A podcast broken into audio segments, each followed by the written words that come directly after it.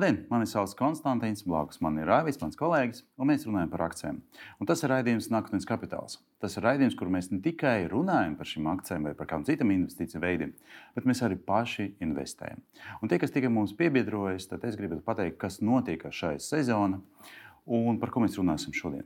Šajā sezonā pie manis piebiedrojas Rāvis, un Rāvim bija ideja investēt ne tā saucamas blue chips vai zilas fiškas akcijas, kas kotējas amerikāņu biežas, bet uh, alternatīvas veidus - baltijas akcijas, kriptovalūtas, kā arī uh, peer-to-peer uh, finanšu platformas. Un šodien mēs arī paskatīsimies, kā mums veicas uh, un salīdzināsim abu divu portfeļu. Un sāksim ar manu portfeli. Bet pašā sākumā visiem mūsu skatītājiem es gribu atgādināt par to, uh, kāda bija šī raidījuma ideja. Ideja bija ļoti vienkārša. Desmit gadu laikā investēt katru nedēļu par 50 eiro. Es gribēju investēt 24,000, bet lai mans kapitāls būtu 36,000. Faktiski es fokusējos uz 8% ienesīgumu. Raivis pienāca pie manis pirms pusgada un teica, ka var dabūt no, pašam, no tām pašām investīcijām daudz lielāku ienesīgumu. Un viņš orientējas un fokusējas uz 12%. Nu, ok, paskatīsim, kā gāja man. Kas notika ar manu portfeli? No gada sākuma šeit ir divas līnijas. Tas ir gan mana portfeļa ienesīgums, gan SP 500 reitings.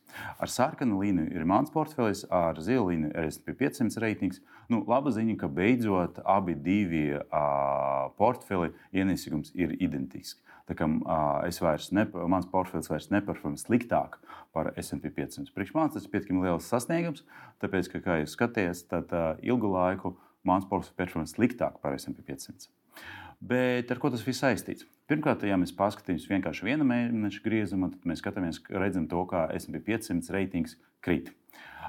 Ja gada vēl pirms, pirms diviem mēnešiem vai, vai gada sākuma bija saruna stāsti par to, ka būs augsta inflācija, februārī, mārta bija stāsti par to, ka tagad karš ietekmē, tad atkal jautājums par inflāciju atgriežas. Un visi bankieri runā par to, ka cent, amerikāņu centrāla banka ierobežos inflāciju, paaugstināt likmes un neizpirks vairs tik daudz akcijas, kā to darīja agrāk. Tas nozīmē, ka pieprasījums pēc akcijiem kritīs, un tas nozīmē, ka arī akciju cenas kritīs tuvākajā laikā. Un visi uh, investori sagaida šos kritumus. Ka principā tirgu mēs redzam ļoti uh, pesimistisku nostāju. To arī apliecina dati, tad, kad mēs paskatīsimies uz SP 500 reitingu visa gada griezumā, kas jau pa šo brīdi jau nokrita par vairāk par 15%. No, dažiem tas liekas, ka tas ir laiks, kad ir visu jāpārdod. Man tomēr tas liekas, tas laiks, kad ir jāturpina investēt, tāpēc ka es gribu pirkt tad, kad ir lēti. Un pārdot, ka dārgi. Un līdz ar to, ka mans, mana stratēģija, tā ir stratēģija, kas orientēta uz desmit gadiem, man vēl palika deviņi gadi ar savu investīciju, tad es domāju, ka tas ir tas moments, kad ir jāpērk. Ja mēs paskatāmies, kā mainījies mans portfels par šo laiku, tad notika dažas izmaiņas. Četras segmentos es palnēju investīcijas, tas ir tehnoloģija, retails, enerģētika un viss, kas saistīts ar pārtiku. Un trīs segmentos ir kritums. Es neinvestēju ETF-os, tāpēc ka ETF kopē kopīgu tirgu, bet īstenībā tad, kad tirgus krīt, tad nav jēgas viņu kopēt. Es neinvestēju arī mediju segmentu, jo pirms tam, mārta un februārī, man bija pietiekami lielas investīcijas. Uh, tad, kad Disneja akcijas krīt un New York Times krīt. Un es gribu samazināt video iepirkuma cenu, kā arī apvienot maksājumus, kā Mastercard un Visa kopā ar bankas segmentu. Es nolēmu, ka šīs segmentā kādu laiku neinvestēšu, kamēr viņš nesasniegs savu uh, mērķētu tirgus daļu, tas ir 11,4%. Uh, ja mēs skatāmies druskuļi uh, detalizētāk, tad mēs redzam, to, ka vēl aprīlī četri segmenti bija un nesamāna pozitīva ienesīguma. Tomēr jau mājā mēs redzam, ka divi, un pie tām diviem, kas palika, viņiem ienesīgums būtiski samazinājās. Uh, Gan tāpēc, ka kopīgais tirgus uh, samazinājās, gan tāpēc, ka SP 500 reitings iet uz leju, gan arī tas saistīts ar to, ka es uh, pēdējās divas nedēļas nolēmu investēt akcijas, kas līdz šim man deva pozitīvu ienesīgumu. Tas nozīmē, ka, ka tur vide cena nevis samazinās, bet palielināsies, bet no otras puses es tādu veidu mēģināšu sevi nosargāt no lielākas kopīga portfeļa vērtības krituma. Un, ja mēs ejam sīkāk un skatāmies detalizētāk uz katru no šiem segmentiem, tad pirmais segments, ko es saucu ETF, kur man ir divi ETF un Berkshire Hathaway, Tad uh, mazliet palielinājot šeit investīcijas, it īpaši uh, Berkshire, uh, tomēr uh, visi šie, uh, visi šīs akcijas uh, parādīja savu negatīvu kritumu, kas, manuprāt, ir ļoti skaisti, tāpēc ka viņi faktiski kopē uh, tirgu kopumā. Ja mēs skatāmies uz enerģētiku, kas līdz šim bija visienesīgāka, tad mēs arī pamanījām to, ka Next Energy, kas vēl aprīlī bija ar pozitīvu ienesīgumu un vēl ar plusu, tomēr pēc pirmā ceturkšņa rezultāta mājā mēs redzam, ka ir kritums. Kā arī kritums ir šēla, bet tas ir vairāk ir saistīts ar ienesīgumu kritumu. Bet burtiski pirms divām nedēļām mēs nopirkuši, piepirkuši akcijas, kas nozīmē, ka vidē cena man samazinājās, palielinājās, ienesīgums man uh, procentuāli samazinājās, taču man palielinājās tas ienesīgums summa absolūti cipros, tāpēc ka šīs uh, uzņēmums nes uh, joprojām pozitīvu ienesīgumu. Tā, kā, tā ir no vienas puses šajos apstākļos pirkt akcijas, kuras turas stabili un pirkt akcijas, kurām vēl ir pozitīvs ienesīgums. Tas varētu nosargāt kopīgu manu portfeli, bet no otras puses ir, ir jāsamierinājās ar to, ka procentuāli ienesīgums krītas. Tāpēc, ka es tagad piepirku akcijas par dārgāku cenu nekā tas bija agrāk. Ja mēs ejam tālāk, tad mēs skatāmies uz nākamo portfeli, ko es pārsvarā saucu par pārtikas. Šeit man ir trīs uzņēmumi. Tas ir McDonald's, restorānu biznesa, Coca-Cola, dzērieni un mazā kompānija, kas ir vajag saistīta ar lauksaimniecību. Uh, arī šeit mēs redzam, ka māja ienesīgums uh, samazinājās. Uh, un burski vēl pirms pāris uh, dienām es piepirku klāt Coca-Cola, atkārtoju to pašu, ko es darīju arī iepriekš ar uh, šiem akcijiem. Es sagaidu, ka šis segments tomēr saglabās manu pozitīvu portfeļu vērtību, tomēr es noteikti orientējos uz to, ka procentuāls ienesums te būs mazāks. Ejam tālāk, nākamais segments, un nākamajā segmentā mēs redzam, tas saucamais banku segments. Šeit es principā neveicu nekādas investīcijas, tāpēc nav nekāds brīnums, ka pie JP Morgana arī piebiedrojas vīza ar savu negatīvo ienesīgumu. Um, nākamais mēdī, tas būs šobrīd vissapīgākā daļa no mana portfeļa, tāpēc šeit ir vislielākie mīnusi. Uh, ko daru? Vienkārši šobrīd tikai gaidīšu. Un šeit mēs redzam nākamo portfeļu daļu, kas saistīta ar mazumtirdzniecību, kur ir divas akcijas Walmart un Procter Gamble. Līdz šim tas bija ļoti stabils segments diemžēl ir jāatzīst, ka pēc pēdējā mana pirkuma, jo es palnēju šo portfeli, veicu investīcijas, šis segments kļuva negatīvs.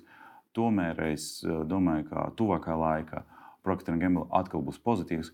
Tāpēc, ka šajos augstas inflācijas laikos ir ļoti redzama tendence, ka uzņēmumi, kas var pārnest inflāciju uz gala patērētāju pleciem, ka viņam izdodas radīt ļoti labu peļņu, ļoti labu apgrozījumu un attiecīgi tirgojumu patīk investēt šādas uzņēmumus un šādas akcijas. Es domāju, ka es turpināšu turēties pie Procter Gamble un viens visticamāk nākamais mans pirkums būs tieši akcija.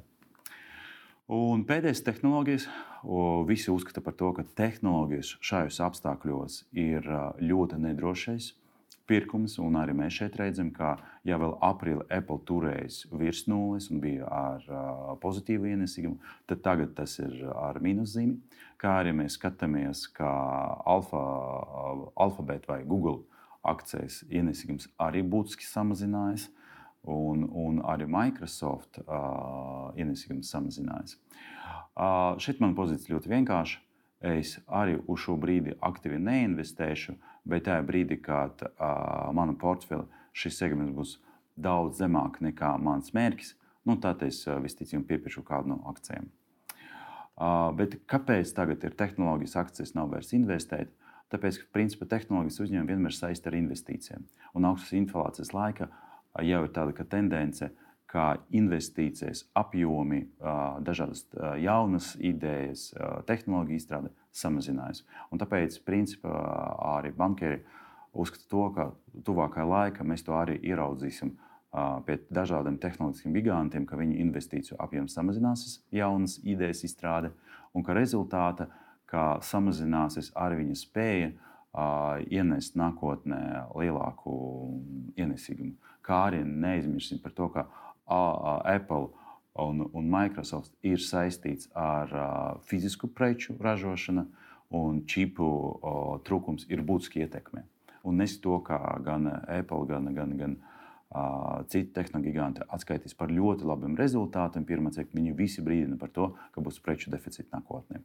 Un investori ar, uz to arī noreaģēja, uz to, ka viņi vienkārši nu, netic tam, ka akcijas vērtība nākotnē, tuvākā nākotnē vismaz izaugs. Nu, tas bija mans portfelis īsumā, un tūlīt došu vārdu Raiviem un paskatīšu, kā veids ar alternatīvām akcijām. Un vai tiešām šajos laikos, kad tā inflācija ir augsta, ir vērts domāt nevis par klasiskām akcijām, bet par kaut kādam tādam netradicionālam investīciju veidam, kā kriptovalūtas. Paldies, Konstantīna. Tātad mans finanšu portfelis, ko tu jau pastāstīji un ievedi skatītājus, nedaudz sastāv no trīs daļām, kurām tad idejiski kopā vajadzētu veidot veiksmīgāku ienesīgumu kā tev. Uh, Tomēr eh, nu, jāsaka, ka arī manas izvēlētās kriptoakcijas, Baltijas akcijas un peer-to-peer nav pilnīgi imūnas no tā, kas notiek tirgu. Tad es tālāk arī par to pastāstīšu. Šeit mēs varam redzēt, kā šobrīd izskatās mans portfelis. Tad redzam, ka kriptovalūtas ir nedaudz vairāk kā ceturdaļa. Es, šajā posmā, pēdējā uh, mēneša laikā, esmu nedaudz pieturējies arī pie šīs stratēģijas par to, ka uh, brīžos, kad cena ir zema, sevišķi kriptovalūtu tirgu, par ko es arī nedaudz vēlāk parunāšu, uh, ir vērts ieguldīt līdzekļus ar cerībām, ka tas augs. Un šobrīd arī nav tādu signālu, kas liecinātu par to, ka kriptovalūtas ir beigušās vai ka vairāk tās neeksistē. Tomēr tālāk arī es plānoju palielināt visus pārējos segmentus. Bet tātad par katru atsevišķu. Tātad šeit mēs redzam, kā ir mainījies tirgus pēdējo mēnešu laikā. Tas ir Baltijas akciju tirgu galvenā indeksa OMX Baltic Benchmark grafiks. Mēs varam redzēt, ka nu, gluži kā SP 500 un kā visos pārējos, nu, nekas spīdošs šajā gadā nav. Mēs redzam, ka tendence ir uh, lejupslīdoša ar uh, lielu. Krauju, gravu, bedri kara sākumā, no kuras tad Baltijas tirgus nedaudz izlīda ārā. Tomēr atkal jau martā, aprīlī un maijā ir turpinājusies lejupslīde, kas ir arī atbilstoši visam pārējiem tirgumam, jo Baltijas tirgus, lai gan kā mums iepriekš eksperti raidījumā teica, zināmā mērā ir izolētāks un vēl aizvien absolūtos procentos varbūt tas krīt pat mazliet mazāk nekā SMP SP 500 vienalga. Kritums ir un vērtība ir negatīva, un tas arī atspoguļojas manā portfelī. Tātad manās Baltijas akciju portfelī šobrīd ir ieguldīti 435 eiro, un, kā mēs redzam, vērtība ir negatīva. Faktiski pēdējo nedēļu laikā, kopš mūsu iepriekšējās sarunas, visi uzņēmumi pa brīdim, izņemot SAF tehniku, ir bijuši sarkani. Šeit mēs redzam divus, kuri šonadēļ performē pozitīvi. Un atkal tā ir SAF tehnika, kur uh, stabili ir uh, zaļa manā portfelī un uh, ir ar nelielu plusu. Un uh, Enefit Green, kurš pārsvarā arī ir pozitīvs, tomēr pa brīdim ir arī zināmas negatīvas tendences. Tomēr šie ir divi visstabilāk un labāk performējošie. Tātad, uh, tehnoloģiju uzņēmums telekomunikācijas principā un uh, zaļā enerģija. Š, šie ir abi divi. Tomēr vienlaikus jāmin, ka piemēram Ignitis, kuram Lietuvas enerģētikas kompānija, kuram arī ir zaļais portfelis, vēl aizvien ir sarkans.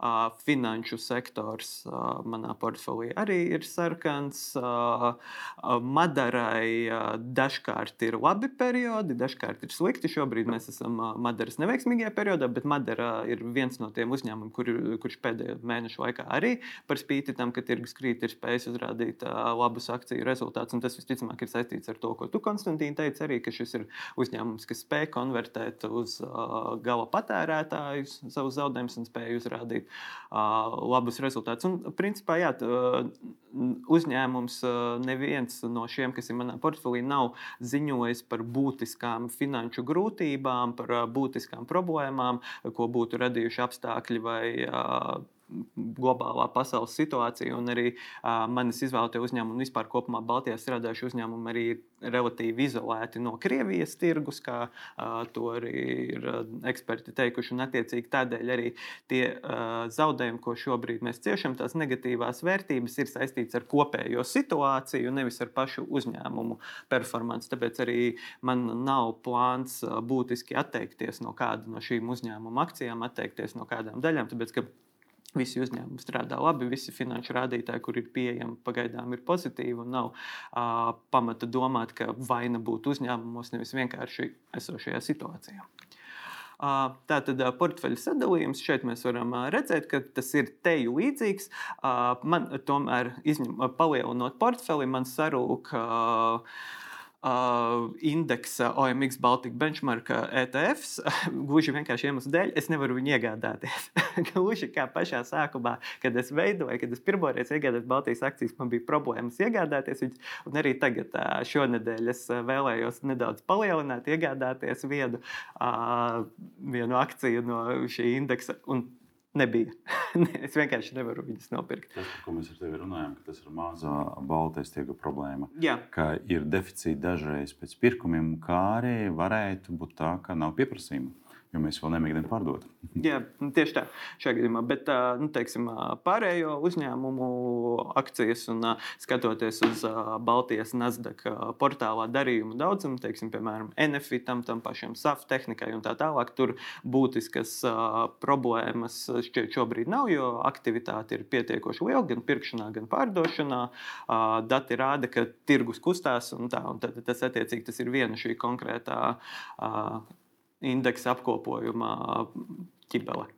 Tātad tas sadalījums pa sektoriem, kā mēs redzam, enerģētika bankas šobrīd ir katra faktiski 25% enerģētika ir mazliet jau lielāka. Ceļojumi atpūta, kas varētu tagad arī varbūt uz vasaras periodu, un ja rudenī un ziemā neatgriezīsies Covid-19, vai nu tagad mēs jau runājam par pērtiķu bakām vai kāda cita slimība, tad arī ceļojuma atpūtas sektors varētu performēt labi. Un kopumā visi pārējie arī šķietami ir šobrīd ok. Tā kā kopumā es esmu apmierināts ar savu Baltijas portfeli un turpināšu viņu līdzvērtīgi arī palielināt.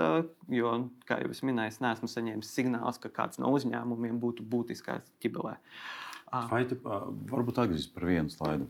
Vai tu redzi, ka tas patēriņa produkti, ka viņu inflācijas, augstas inflācijas laika varēs pārnest tos, tos inflācijas galvu patērētājiem un performēt labāk? Jo manā gadījumā Coca-Cola performē ļoti labi. Arī McDonald's joprojām ir, ir pozitīvs ienesīgums. Un arī nesen dzirdēju, ka McDonald's vienkārši pacēla cenas par 7 vai 8%.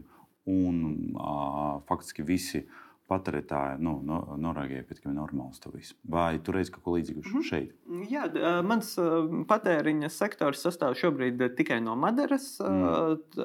akcijām. Un, un šajā gadījumā, manuprāt, tas ir pietiekoši iecienīts zīmols. Arī šobrīd es, es neesmu pats lielākais, pats Madaras klients, bet manuprāt, arī tas ir pietiekoši salīdzinot cenas ziņā un kvalitātes ziņā atbilstošs produkts, kurš arī, ja tas cenu kāpums būs par dažiem procentiem, es domāju, ka visticamāk nezaudēs klientus, jo gadu gaitā strādājot sevišķi Latvijā, viņi, manuprāt, ir pierādījuši un pārliecinājuši. Un, savus klientus, nu, pārsvarā dāmas, tās ir, kuras iegādājas Madaras produktus, par to, ka tie ir ok. Uh, nu, jā, nu, tieši tā. Uh, tā kā nav pamata domāt, ka vismaz šobrīd, ka uh, ja vien uh, situācija nepasliktināsies, kā mūs baida par nākamo ziemu, ka uh, vienistabas dzīvokļa uh, apkure izmaksās 150 uh, eiro un, un tam līdzīgi, ja mēs nepieredzēsim nu, milzīgu, nopietnu finanšu krīzi, kas uh, vidusslāni un uh, cilvēkus, kas ir varbūt nedaudz zem viduslāņa, būtiski ietekmēs, tad visticamāk mēs arī uh, Maderai nevajadzētu zaudēt savus klientus. Un, ja cena pieaugs par 10 centiem, 20 centiem, tam arī nevajadzētu būtiski ietekmēt uh, akciju performanci. Tā kā Jā. Nu, Pietiekami daudz, jā. Bet labi. Nu, nē, nu, mēs, mēs jau nekad nevaram zināt. Es vakardien redzēju labu citātu, diemžēl aizmirsu, kurš ekonomists to ir teicis, bet viņš teica, ka ekonomisti ir cilvēki, kuri tev rītdien pateiks, kāpēc vakar izteiktās prognozes par šodienu nepiepildījās. nu, kā, un mēs ar tevi neesam pat ekonomisti. es atceros, ka mēs sākam šo sezonu ar to, ka mums ir Bankieri stāsta par to, ka īstenībā karš neietekmēs vai inflācija neietekmēs. Nu, būs neliela ietekme. Bet mēs tagad redzam, ka jau SP 500 nokrita par 15%. Tas ir tikai 5 mēneši kas būs gada beigās, mēs vēl skatīsimies. Jā, un, ja es nemaldos, runājot par SP 500, ka šis ir otrs ilgākais negatīvais trends šī indeksa vēsturē. Ja es tā šķiet, vakar vai aizvakar Bloomberga vai ekonomiskā nu, vēl, ir lasīju, jā, vēl, vēl ir ko sasniegt. Jā. Mm. Tālāk. Tad tālāk par kriptovalūtām, kuras tad ir arī man iepriekš radīja man lielāko ienesīgumu, turēja mani virs ūdens un bija ļoti skaistas vēl tajā brīdī, jau kad sāka Baltijas akciju tirgus krist. Tagad nu, kriptovalūtas pēdējā mēneša laikā performē ļoti slikti. Šeit var redzēt Bitcoin grafiku par pēdējo periodu, un mēs varam redzēt, ka tas kritums ir bijis ievērojams. Šobrīd Bitcoin, kas ir principā kriptovalūta pasaulē, tas nosacīts zelta standarts, cenas svārstās no apmēram 28,500 līdz 30,000 par vienu monētu, kas ir krietnes kritums salīdzinot ar to, ka pagājušajā rudenī cena bija pāri pa 40 tūkstošiem, cilvēki runāja par 50 tūkstošu atzīmi, dažas prognozes runāja par 100 tūkstošiem. Bet, nu, mēs redzam, ka kriptovalūtas, kā mums arī eksperti stāstīja, lai gan sākotnēji radītas, lai būtu atdalītas no tirgus, lai būtu miera ostas, patiesībā ar kapitāla pieplūdumu, no kurienes kapitāls nāk, tas nāk no tiem pašiem investoriem, kur investē citās nozarēs, citās lietās, un viņi reaģē tieši tāpat. Un iespējams, ka no kriptovalūtām, kas ir nedrošs, viens no riskantākajiem investīciju rīkiem, viņi šo naudu konvertē uz, piemēram, patēriņu precēm vai, piemēram, uz shell akcijām, kuras tavā portfelī labi performē un tā tālāk. Un tas arī ietekmē to. Un tad, un, tikko kā bitkoins cieši, tā visas pārējās kriptovalūtas cieši, jo bitkoins ir tas, kas nosaka toni. Izņemot gadījumus, ka mums te pirms pāris nedēļām viena no kriptovalūtām, kas bija diezgan populāra un arī viena no stabilajām monētām, Luna piedzīvoja pilnīgu krahu, dienas laikā nokritās līdz praktiski nulles vērtībai, kas arī, protams, visticamāk lielai daļai investori, sevišķi to, kuri nav tādi pilnīgi pārliecināti par kriptovalūtu nākotni, noteikti radīja neomolību sirdī un iespējams tāpēc arī kapitāls ir aizplūdis un aktivitāte sāk samazināties. Tas arī viss, protams, atspoguļojas uz manu portfeli. Tātad šeit mēs redzam šī brīža ienesīgumu, neienesīgumu precīzāk. Tātad 471 eiro ir investēts un vērtība ir 363 eiro. Tātad vairāk nekā 110 eiro zaudējumu kas ir, nu, ar, to, ar to ir jārēķinās, investējot kriptovalūtās, jo vienā brīdī, apmēram martā, man bija 150 eiro plus un šobrīd ir diezgan negatīva. Šeit mēs redzam manu sadalījumu. Tātad trīs kriptovalūtas lielāko, lielākais zaudējums ir Solanai, kas ir mazāk populāra kriptovalūta salīdzinot ar Bitcoin un Ethereum, kur ir tirgus līderi. Tad attiecīgi arī redzam, ka mazāk populārās kriptovalūtas ir tās, kuras vairāk cieš. Plus pie Solanas ciešanām papildus nāk klāt tas, ka tā bija otra populārākā NFT uh, kriptovalūta, par ko jūs skatītāji varat paskatīties mūsu pagājušajā raidījumā, kur mūsu viesis, 300 latviešu projekta autors, bija savu projektu. Uh, izstrādājis tieši Solanas blokķēdē, nevis Ethereumā, bet šeit mēs iespējams redzam, jo NFT arī līdzīgi tādēļ, ka kriptovalūtu tirgus ir gājis būtiski uz leju. NFT daži avoti saka, ir aktivitāte pirkšanas, pārdošanas tirgu ir samazinājusies par 90%. Tādējādi Ethereums, protams, cieši, kurš ir vadošais NFT, NFT uzturētājs, bet Solana kā mazāk populārs arī visticamāk izjūt šīs sāpes vairāk, jo ja investori ir, kuri ir vēl droši par Ethereum, kurš šogad vasarā varētu pāriet uz videi draudzīgāku sistēmu, jau ir veikti sekmīgi testi un tā tālāk, kuram ir kā solās pozitīva nākotne, tad Solana mazāk populāra populāra, riskanta, iespējams, ka biedē vairāk, un tāpēc ir arī šie zaudējumi.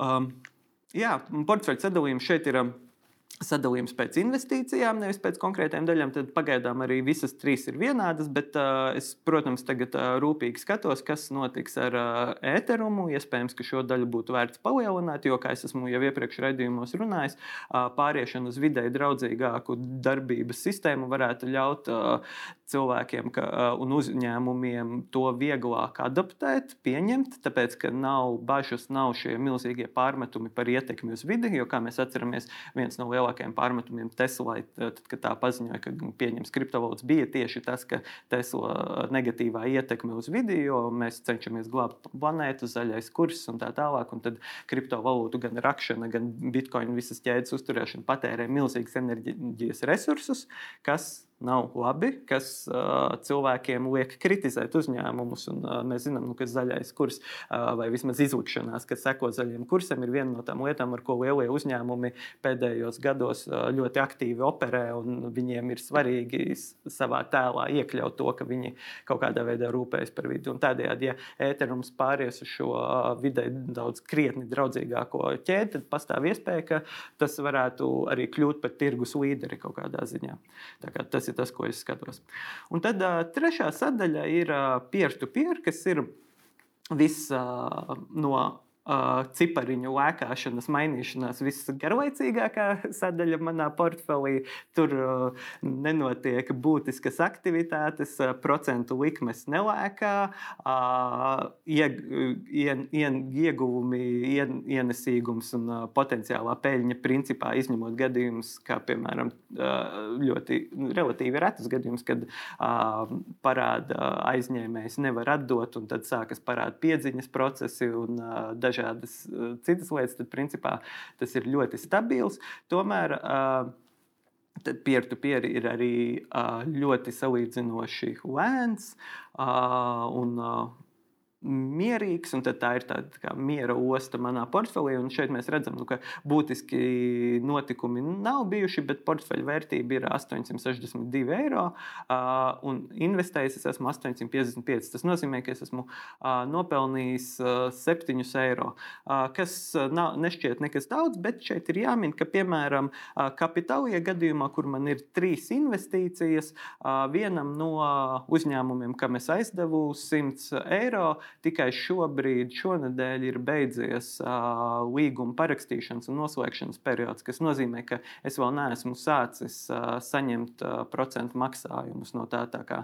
un, un tas pats ir arī ar estate guru. Uh, ja nemaldos, tad viena no manām pēdējām investīcijām arī tikai uh, šomēnes vai pat divas ir noslēgušās, kas uh, nozīmē, ka arī procentu maksājumi sāks nākt tikai vēlāk. Uh, Tā tad, jā, un šeit mēs varam redzēt, jā, kā mans portfels arī ir sadalīts.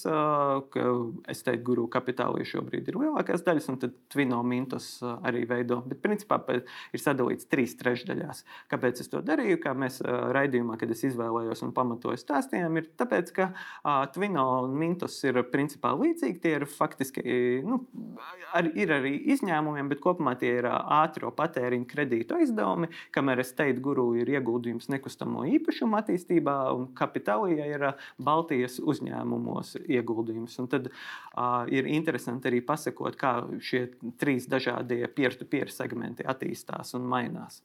Un, uh, tad par manu stratēģiju nākotnē ir principā šobrīd. Uh, Es uh, domāju, turpināt uh, salīdzinoši vienmērīgi izplatīt finansējumu, varbūt nedaudz palielināt Baltijas uzņēmumu akciju proporciju uz dažiem veiksmīgākiem uzņēmumiem, jā, un pievērst uzmanību ēterumam.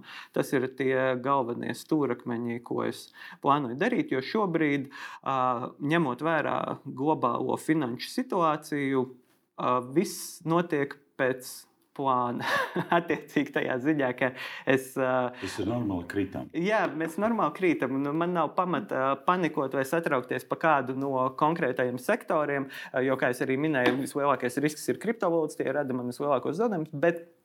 Tas ir arī nav šobrīd uh, būtisku signālu, kas liecinātu par to, ka kripto ēra ir beigusies, par to, ka uh, tuvākā pusgada laikā bitkoins vairs nevienu neinteresēs. Tas, tas var notikt, nekas nav izslēgts. Um, ir, šis ir jauns produkts, uh, nezināms produkts un tā tālāk, bet skatoties pēc vēstures datiem, kas ir tā faktiski vienīgā lieta, ko kriptovalūtās mēs varam darīt, ir veikt uh, tehnisko analīzi, uh, skatīties uz to, kā tas ir bijis iepriekš. Tad, uh, šādi kritumi nav pirmā reize, un visticamāk arī nav pēdējā reize. Tāpēc šobrīd man uh, nav pamata panikot un uh, raut ārā naudu. Ir sevišķi tāpēc, ka raut ārā naudu ar 110 eiro zaudējumiem. Principā, sanāk, jā, 30% zaudējumu, manuprāt, apmēram sanāk, no 25 līdz 30 kriptovalūtās būtu uh, nu, nelabi, neveiksmīgi katrā ziņā. Bet uh, tā tad mums ir jānoskaidro, kurš ir šajā mēnesī uzvarējis. Paldies, Raivim. Jūs tikko redzējāt, kā veicas Raivim ar viņa portfeli. Jā, laba ziņa ir tā, ka viņi vismaz ir viens segments, kas stabili turās, tas ir peer-to-peer -peer investīcijas. Bet mēs principā šeit cīnāmies. Mēs cīnāmies par to, kurš kāda no stratēģiem ir labāka, kuram veicas labāk.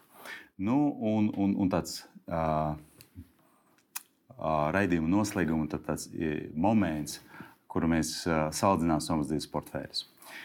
Tad aprīlī. Aprīlī Raiva portfeļa investīcijas bija 5,2, man bija mīnus 5,5. Uh, Maija uh, Raiva ienesīgums jau ir mīnus 8,3. Tā kā faktiski mēneša laika viņš pazaudēja gan savu pozitīvu ienesīgumu, gan uh, arī dabūja mīnus 8,3.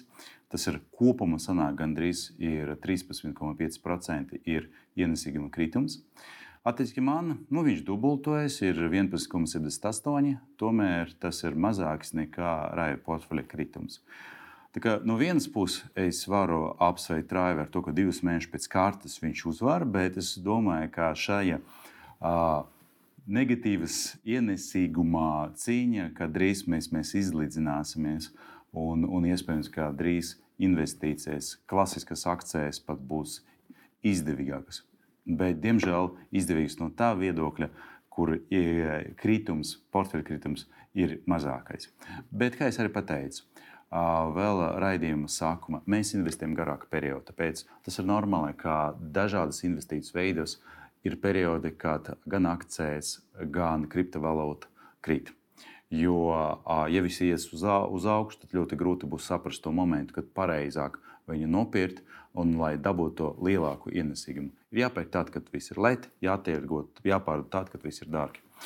Uh, bet galvenais, pie kādas stratēģijas mēs visu laiku turāmies, mēs turpinām katru nedēļu investēt. Mēs investējam gan tad, kad uh, akcijas un, un, un uh, dažādi citi investīciju veidi iet uz leju, gan tad, kad iet uz augšu un ilgtermiņā uh, Mēs gribam panākt to stabilu ienesīgumu. Manā gadījumā ar 8%, vismaz ar gadījumā ar 12%. Vismaz. Nu, ko, paldies! Tas bija raidījums, kuru mēs salīdzinām atbildības portfeļus. Tas bija raidījums, kur jūs redzējāt, kāda labāks tagad investīcijas veids, vai akcijas, vai, vai, vai kriptovalūta, vai baltais akciju tirgus, vai, vai, vai peer-to-peer investīcijas. Es visiem gribu atgādināt par to, ka katru nedēļu mēs ar Rāvi turpinām uh, publicēt rakstu pa pirmdienam.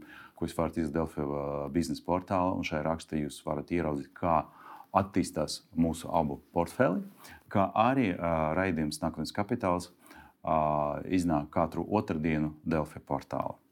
Paldies, Rāvi! Uh, paldies mūsu skatītājiem, kas bijāt kopā ar mums. Nu, un tiekamies pēc nedēļas. Vislabāk!